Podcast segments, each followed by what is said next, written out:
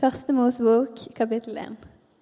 I begynnelsen skapte Gud himmelen og jorden. Jorden var øde og tom. Mørket lå over dypet, og Guds ånd svevde over vannet. Da sa Gud, det skal bli lys, og det ble lys. Gud så at lyset var godt, og Gud skilte lyset fra mørket. Gud kalte lyset dag, og mørket kalte han natt. Og det ble kveld, og det ble morgen første dag. Gud sa, det skal bli en hvelving midt i vannet. Den skal skille vann fra vann. Gud lagde hvelvingen og skilte vann som er under hvelvingen, fra vann som er over hvelvingen. Og det ble slik. Gud kalte hvelvingen himmel. Og, og det ble kveld, og det ble morgen andre dag. Gud sa, vannet under himmelen skal samle seg på ett sted. Det tørre land skal komme til syne, og det ble slik. Gud kalte det tørre landet jord, og vannet som han hadde samlet seg, kalte han hav. Og Gud så at det var godt. Gud sa, jorden skal bli grønn. Grønne vekster skal gro, gro på jorden, planten som skal sette frø, og frukttrær som bærer frukt med frø i, av alle slag. Og det ble slik. Jorden bar frem grønne vekster, planter som setter frø av alle slag. Og Gud så at det var godt. Og det ble kveld, og det ble morgen tredje dag. Gud sa, det skal bli lys på himmelhvelvningen til å skille dag fra natt. Og det skal være tegn for alle høytider, dager og år. De skal være lys på himmelhvelvingen og skinne over jorden. Og det ble slik. Gud lagde de to store lysene. Det første lyset til å herske over dagen, og det minste til å herske over natten. Og stjernene. Gud satte dem på himmelhvelvingen til å lyse over jorden, til å herske over dager og nattene, og til å skille lys fra mørket. Og Gud så at det var godt, og det ble kveld, og det ble morgen fjerde dag. Gud sa, vannet skal myldre av levende skapninger, og fugler skal fly over jorden under himmelveldingen. Og Gud skapte de store sjødyrene og hver levende skapning av alle slag som vannet kryr og myldrer av, og alle slags fugler med vinger. Og Gud så at det var godt. Gud velsignet dem og sa, Vær fruktbare, bli mange og fyll vannet i havet, og fuglene skal bli mange på jorden. Og det ble kveld, og det ble morgen, femte dag. Gud sa, jorden skal bære, bære frem alle slags levende skapninger, fe, kryp og ville dyr av alle slag og det ble slik. Gud lagde alle slags ville dyr og, og på marken, og Gud så at det var godt. Gud sa, 'La oss lage mennesket i vårt bilde, så de ligner på oss.' 'De skal råde over fiskene i havet og fuglene under himmelen, over fe og alle ville dyr' og alt kryp som det kryr av på jorden. Og Gud skapte mennesket i sitt bilde. I Guds bilde skapte han dem. Som mann og kvinne skapte han dem. Gud velsignet dem og sa til dem, Vær fruktbare og bli mange. Fyll jorden og legg den under dere. Dere skal råde over fisken i havet, over fuglen under himmelen og over alle dyr som det kryr av på jorden. Og Gud sa, Se, jeg gir dere alle planter som setter frø, alle som finnes på hele jorden, og alle trær som bærer frukt med frø i. Det skal dere ha å spise og til alle dyr på jorden, og til alle fugler under himmelen, og til alt som kryper på jorden, alt som har livsånde i seg, gir jeg alle grønne planter å spise. Og det ble slik. Gud så at dette, det han hadde gjort, var svært godt. Og det ble kveld, og det ble morgen sjette dag. Så var himmelen og jorden fullført med hele sin hær. Den sjuende dagen fullførte Gud det arbeidet han hadde gjort. Og den sjuende dagen hvilte han fra hele det arbeidet han hadde gjort. Gud velsignet den sjuende dagen og helliget den. For den dagen hvilte han fra alt sitt arbeid, det som Gud hadde gjort da han skapte. I begynnelsen skapte han himmel og jord. Fra den minste detalj til de største elementer skapte han det, og fra fiskene i det dypeste til fuglene i det høyeste og alt imellom skapte han det. Alt skapte han, han så det, og han sa at det var godt. Men kornjuvelen manglet, så i bildet av Gud selv skapte han mennesket. Han så det, og han sa at det var svært godt. Og skal vi velge å tro på denne Gud, så har vi en skaper, å forholde oss til. Vårt bilde av eksistens forflyttes fra at dette er tilfeldig, til den sannhet at dette er gjennomtenkt og ønsket. Det innebærer å tro at vi er ønsket, at vi er elsket, og at vi er skapt med en hensikt. Og hvis vi tror dette, så setter det sporet for hvordan vi møter livet, og hvordan vi møter verden. Og plutselig så blir skaperverket mer enn et oppholdssted. Det blir heller en eneste stor hyllest til sin skaper. Og plutselig så passer ikke mennesker inn i mekaniske tall og enkel statistikk. Men det blir heller sånn at hvert eneste individ har en fullstendig ukrenkelig verdi. Og plutselig åpnes den dristige tanke at vi selv ikke er de ultimate herrene over vår eksistens, men en evig Gud trer på banen med en stemme som kanskje er verdt å lytte til. Og Fra i dag og frem til pinsen så skal vi i denne kirken vie oss ut på å svare de spørsmålene som dette vekker. Vi tror at vi er skapt. Vi tror at vi er skapt av en skaper. Og vi innser at når vi tror dette, så betyr det noe for hvordan vi møter verden og hvordan vi møter livet. Og Derfor skal vi snakke om nettopp det i ukene som kommer. Det kommer kanskje til å bli litt utfordrende, og det kommer kanskje til å provosere litt. Men kanskje så kommer det òg til å hjelpe oss å se hva vår plass er i denne verden og i Guds store fortelling. Jeg har lyst til å oppfordre deg allerede nå til å ikke bare la dette forbli en sånn der, eh, 'jeg hører om det på søndag'-type greie, men len deg inn i denne taleserien og la det være sånn at sammen som kirke så går vi ut på en vandring der vi søker Gud sammen og utfordrer våre paradigmer, våre forståelser av hva verden er, og hvordan livet rundt oss er ment til å fungere. Så la det fylle praten på turen hjem, la det fylle praten rundt middagsbordet eller frokostbordet i live-gruppene på onsdag. Og la det bli en spennende samtale med en av de du jobber med eller studerer sammen med. Og kanskje oppsøke en samtale med noen som tror noe litt annet enn deg, og se hva, hvordan dette kan gi en økt forståelse i møte med de. Og så vil jeg påstå at dette blir fullt og helt like spennende for deg som er her som ikke kaller deg kristen, som for deg som gjør det. Fordi vi har ingen intensjon av å bare liksom blindt legge frem at dette tror vi er feil, og dette tror vi er rett, og dette tror vi er feil, og dette tror vi er rett. Men vi ønsker å utfordre hvilket fundament du står på når vi lever med det verdensbildet og menneskesynet som vi gjør. For realiteten er at vi alle lever med en tanke om hva livet handler om. Om den tanken er høyt i bevisstheten eller ikke, så er det noe vi alle har. Og da er dette en utfordring som går til alle, om du tror på Gud eller ikke. Så la dette være en tid der du tør å åpne for at spørsmål blir stilt. La det være en tid der du tør å stille spørsmål til, til, Gud, til de rundt deg og til deg selv. Og tør å stille spørsmål som kanskje ikke går an å få svaret på, eller som du kanskje ikke kommer til å like svaret på. Og så er det så viktig at vi lar det være 100% sikkert at mens vi nå i ukene fremover snakker om hva vi tror vi er skapt til, så er det sånn at om Kirken skal være én en eneste ting, så er det at vi skal være et åpent og imøtekommende fellesskap for alle, uavhengig av hva vi tror, uavhengig av hvordan vi lever. For uansett hvor du ser rundt deg i dette rommet akkurat nå, så ser du ikke annet enn folk som sliter med livet på egen hånd, og som har behov for en redning som er større enn seg selv. Så før vi i neste ca. kvarteret skal bi oss ut på å utfordre tanken av at vi er skapt, så vil jeg at vi skal be sammen for denne kvelden og for denne serien som vi skal gå inn i. Så jeg vil invitere deg til å være med og be. Jesus, takk for at vi ikke skapes inn i noe historieløst, men vi skapes inn i en større fortelling. Takk for at du ikke bare skaper og forlater, men vi tror at du er med oss, at du lever med oss, at du har en hensikt med våre liv.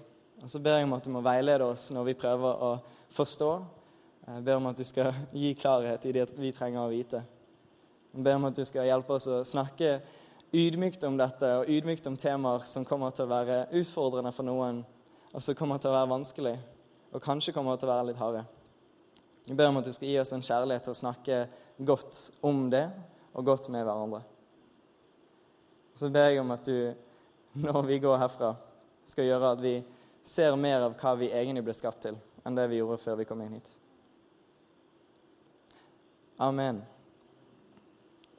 Har du noen gang irritert deg over når ting brukes på en fullstendig feil måte? Når ting som er ment til noe helt spesielt og unikt, og noe som du liksom du forstår, Alle forstår at dette skal brukes på denne måten, og denne tingen er noe som egentlig redder verden hvis vi bruker det riktig. Sant? Når folk bruker det feil, så er det forferdelig, og det føles som en krenkelse i ditt liv, og det er en krenkelse for verden. Enig i det? Ja. Eksempelet er når folk tar ananas på pizza. For når noen, gjør noe så fælt som å ødelegge pizza, noe som er ment til å glede, noe som er ment til å smake godt, ved å sette ananas på det, så misforstår vi hensikten med hva pizza er laget til. Folk sier det samme til meg når jeg sitter på en fotball. Og Det er et eksempel jeg ikke forstår, for for meg så er det en helt fin ting å sitte på, men tydeligvis så ødelegges det. Eller så er det når, når, folk har headset på seg, som om de ikke forstår at headset er ment for at du skal høre på det selv, men de har det på på bussen på en måte der alle på bussen får lov til å høre på. De kunne kjøpt en høyttaler. Eller hvis du er på en sånn femstjerners Michelin-restaurant, og så spør du etter ketsjup. Da er det noe du bommer på i livet. Jeg har jobbet litt på, i en barnehage, og en del av meg hater det helt intenst. Fordi jeg har uh, Bare en del av meg, ikke alt. Det er viktig å påpeke for podkasten. Uh, for det virker som at uh, barna, uansett hvem de er, har en sånn notorisk tendens til å misforstå hva jeg skaper for de.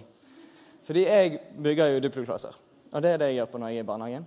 Og jeg vet at jeg bygger fantastiske fly og jeg bygger utrolige båter, og jeg bygger tårn som skal nå nye høyder for menneskeheten.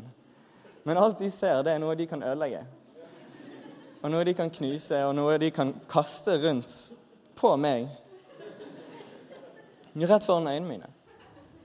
Og jeg lurer på hvordan det oppleves å se en hel menneskehet aktivt gå imot det de ble skapt til.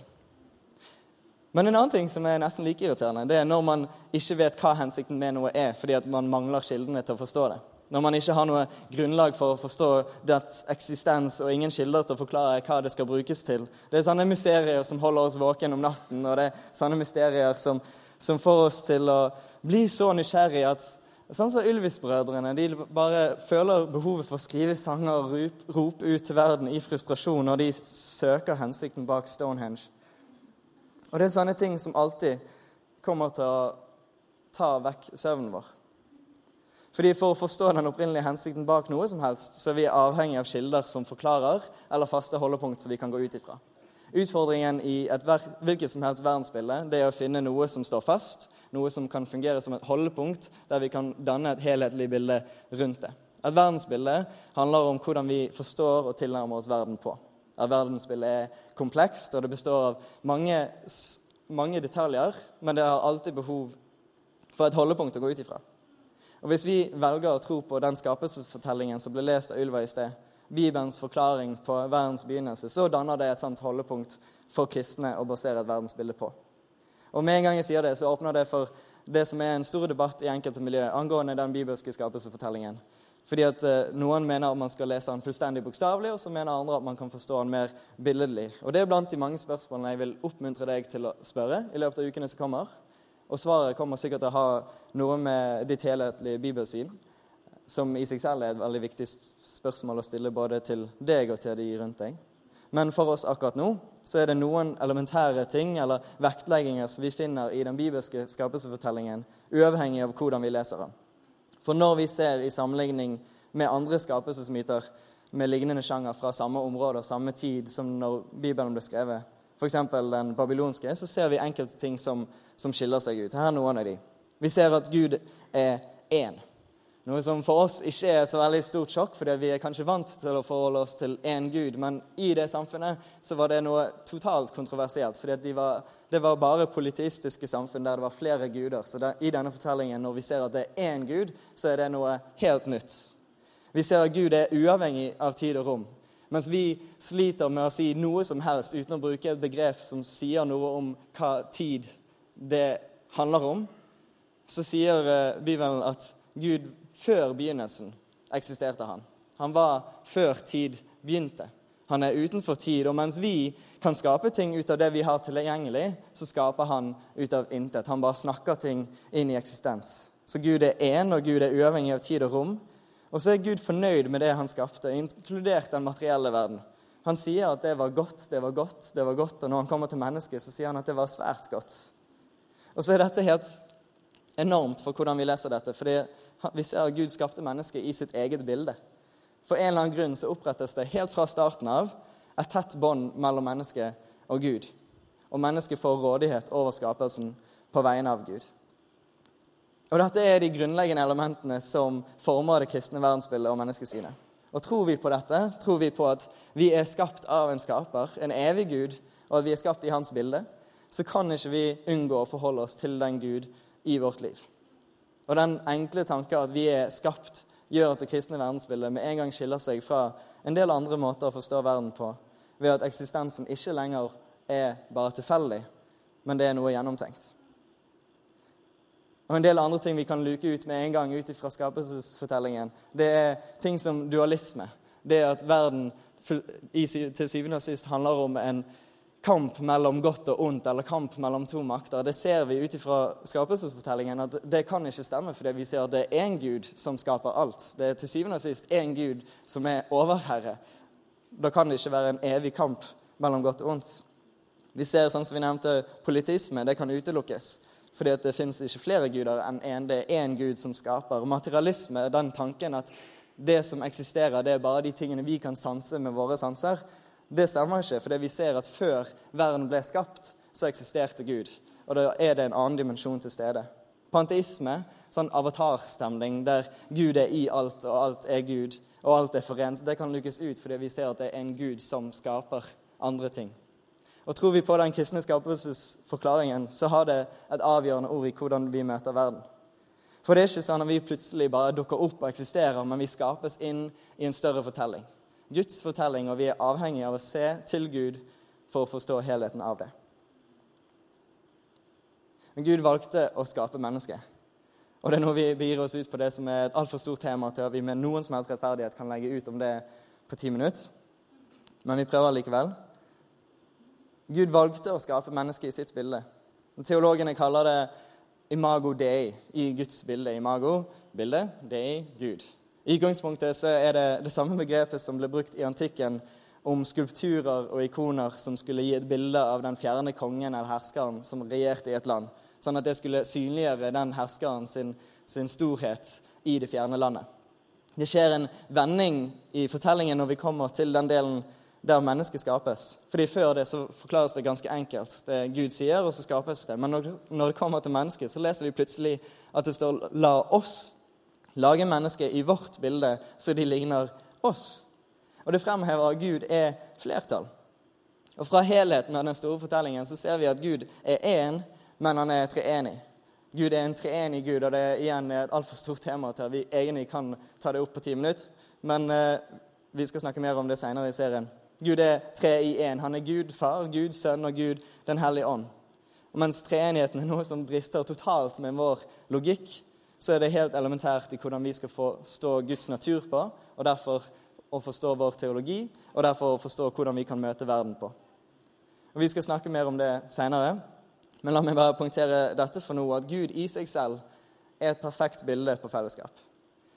Fellesskapet mellom Gud far, Gud sønn og Gud den hellige ånd. Et fellesskap som i kjærlighet gir av seg selv til sin neste, kontinuerlig og uten å holde tilbake.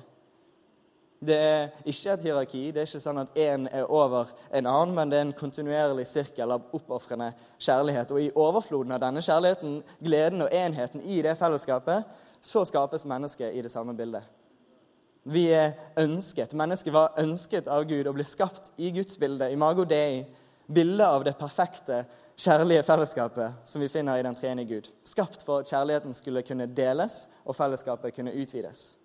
Og Det betyr at mennesket er ønsket, og mennesket er elsket. Det betyr at du er ønsket, og du er elsket.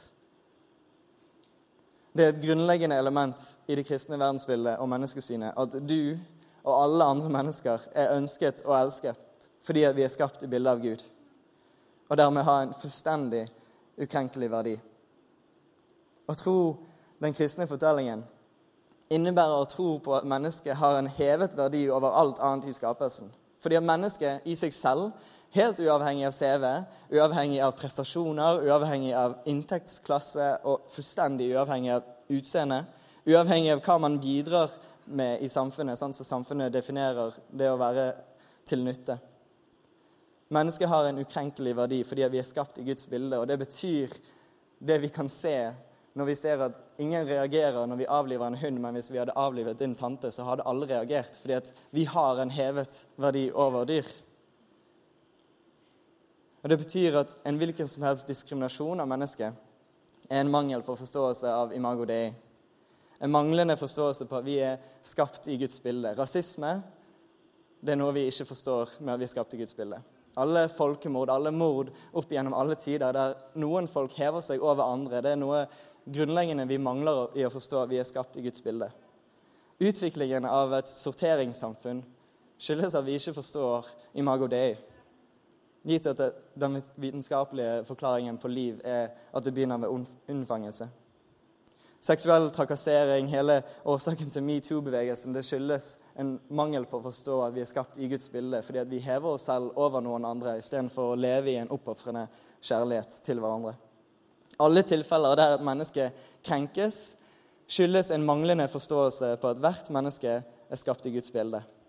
Hvert tilfelle der et menneske velger å heve seg over et annet, der et menneske velger å tro at han eller hun selv er poenget og er fokuset, kan grunnes i en manglende forståelse på det bildet vi er skapt i. Bildet av et evig, kjærlig, kontinuerlig oppofrende fellesskap. Vi er ikke poenget, vi er ikke fokuset, vi er ikke midtpunktet i universet, men det er Gud som er det. Det er han som er episenter av skaperverket. Og det at han ønsker å elske oss, sier da noe helt enormt. Men likevel så ønsker vi å være poenget. Når du kommer hjem, så ønsker du å ha all oppmerksomhet på deg. Når vi går i møte med eksamenstid, så ønsker du at alle skal synes synd på deg. Og det kan vi være ærlige om. Vi, vi ønsker at folk skal bøye seg for oss sånn at vi får vår vilje. Og så tror vi ikke at det er så fælt, men det er det vi tror. Vi, vi, ønsker at vi skal være poenget. Vi ønsker at vi skal feires når vi er ferdig med eksamen. Vi ønsker at vi skal feires når vi har slitt for å tjene penger nok til å fø din kollektivkamerat, eller hva enn du skal gjøre. Vi ønsker å være midtpunktet, men det er ikke det vi ble skapt til. Hvis vi tror på imago dei, det at vi er skapt i Guds bilde, så preger det måten vi behandler andre, og måten vi behandler oss selv. Det gjør at vi verken tenker for lavt om oss selv eller for høyt om oss selv. Som begge deler er konsekvenser av at vårt eget ego får regjere istedenfor at Gud, som egentlig er fokus i universet, får regjere. Imago Dei-tanken gir friheten til at vi kan tenke på oss selv mindre. Og vi kan leve i den friheten av å vite at vi har en fullstendig ukrenkelig verdi uavhengig av hvordan vi presterer. Vi kan ikke gjøre noe som øker vår verdi eller forminsker vår verdi, fordi vi er verdifulle av at vi er skapt i hans bilde. Og ut ifra den kristne fortellingen forstår vi at vi er skapt.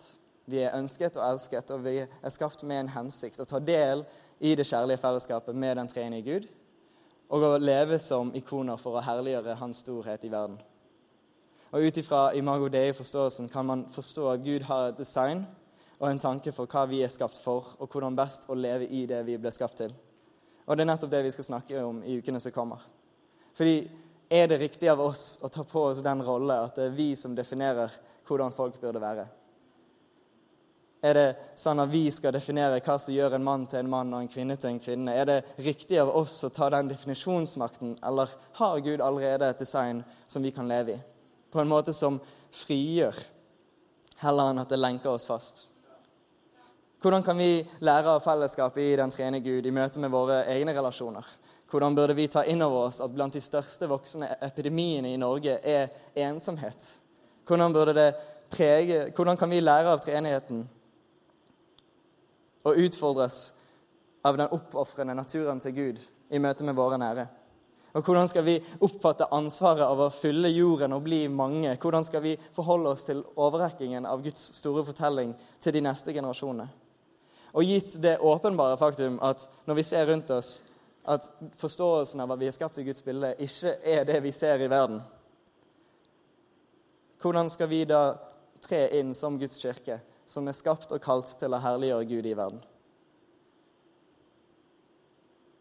Opp til nå så har vi fokusert på hva vi er skapt til. Vi er skapt med en hensikt, og hele skapelsen hadde en hensikt. Men vi trenger jo ikke gjøre annet enn å se ut vinduet for å se at den hensikten er noe vi totalt bommer på i verden. Og det er ikke for å si at det er de der borte som bommer på det, eller det er de der, men det er oss som menneskehet, hvis vi skal være ærlige på det. Vi forstår at vi ble skapt, vi forstår at vi er ønsket, at vi er elsket, og at vi har en hensikt. Men hva har skjedd med verden? For det er i møte med det spørsmålet At vi forflytter fokuset tilbake til den store fortellingen og det store bildet. Guds fortelling som vi skapes inn i. Vi leser om skapelsen, om der hvor alt er godt og alt er riktig og alt er som det skal være. Men i det dramatiske sceneskiftet blir vi presentert hvordan skapelsen falt bort fra sin opprinnelige hensikt. Eller sin opprinnelige kurs. Vi kaller det syndefallet. Og det er fortellingen om Adam og Eve som tar et tygg av det forbudte eplet, eller den forbudte frukten. Som jeg alltid har fått høre et eple. Og det stresset meg, for jeg følte meg så skyldig hver gang jeg spiste eple. Det er noe vi burde snakke om i våre søndagsskolegreier. Poenget var ikke at de spiste av en frukt, men fortellingen viser hvordan mennesket brukte den frie viljen som vi ble skapt med, til å velge å være herre over vårt eget liv heller enn å la Gud være herre. Mennesket valgte seg ut av fellesskapet med Gud, og det resulterte i bruddet av den perfekte relasjonen mellom Gud og menneske, mellom menneskene seg imellom og mellom mennesket og seg selv. Men vi leser at fallet ikke endret Guds ønske om å leve i fellesskap med oss. Og Det neste store sceneskiftet skjer der Gud igangsetter en vandring med et utvalgt folk for å til slutt bringe alle folk tilbake til Han. Menneskene som, som lever i en fallen verden, får plutselig høre om en tid der alt som er brutt, skal gjenopprettes. Og de får høre om Guds planer om å skape en ny himmel og en ny jord, der vi på ny skal få leve i den tette, ubrutte relasjonen med Han. Og Guds fortelling, det største dramaet som noen gang har eksistert, begynte å utarte seg på jorden, av alle steder i det enorme universet, med oss. Og folk begynte sikkert å se for seg hvordan denne redningen kom til å se ut. De begynte sikkert å se for seg hvordan livet kom til å bli, og at de kom til å bli herskende konger. Men det er nettopp der vi alltid bommer. For vi tror at hensikten med skapelsen er at vi skal være konger selv. Men hensikten fra starten av var jo å leve i en overgivelse til hverandre. Og det var nettopp sånn Gud valgte å overraske når redningen kom. For det var ikke en militær stormakt, men det var en baby som ble født i en stall. Det var ikke en herskende konge, men det var en tjenende leder. Og det var Jesus, Gud selv, som tok på seg en tjeners skikkelse for å vise på ny hva hensikten egentlig var, og hva vi ble skapt til. Og der Jesus gikk, overalt der han gikk, så ser vi at alt som var brutt, ble gjenopprettet. Og gjennom det vi markerte for to uker siden, gjennom hans død og på korset og oppstandelse fra graven, viste han sin suverenitet. Og han viste på ny sin allmakt og sin verdighet som herre. I sin mest genuine, kjærlige og tjenende form. Der han lar seg selv bli overmaktet for å vise at han overmakter det tilbake. Fra skapelse til fall, og fra fall til gjenopprettelse i Jesus. Og det er der vi er nå. Og vi ser at verden er brutt overalt rundt oss. Men vi kjenner til Guds gjenopprettende nærhet i våre liv og i verden. Og vi ser fortsatt frem til den fullstendige nye skapelsen som skal komme. Fordi det er ikke bare Gud har ikke bare en plan om å frelse eller redde individene, men han har en plan om å redde hele verden og hele kosmos.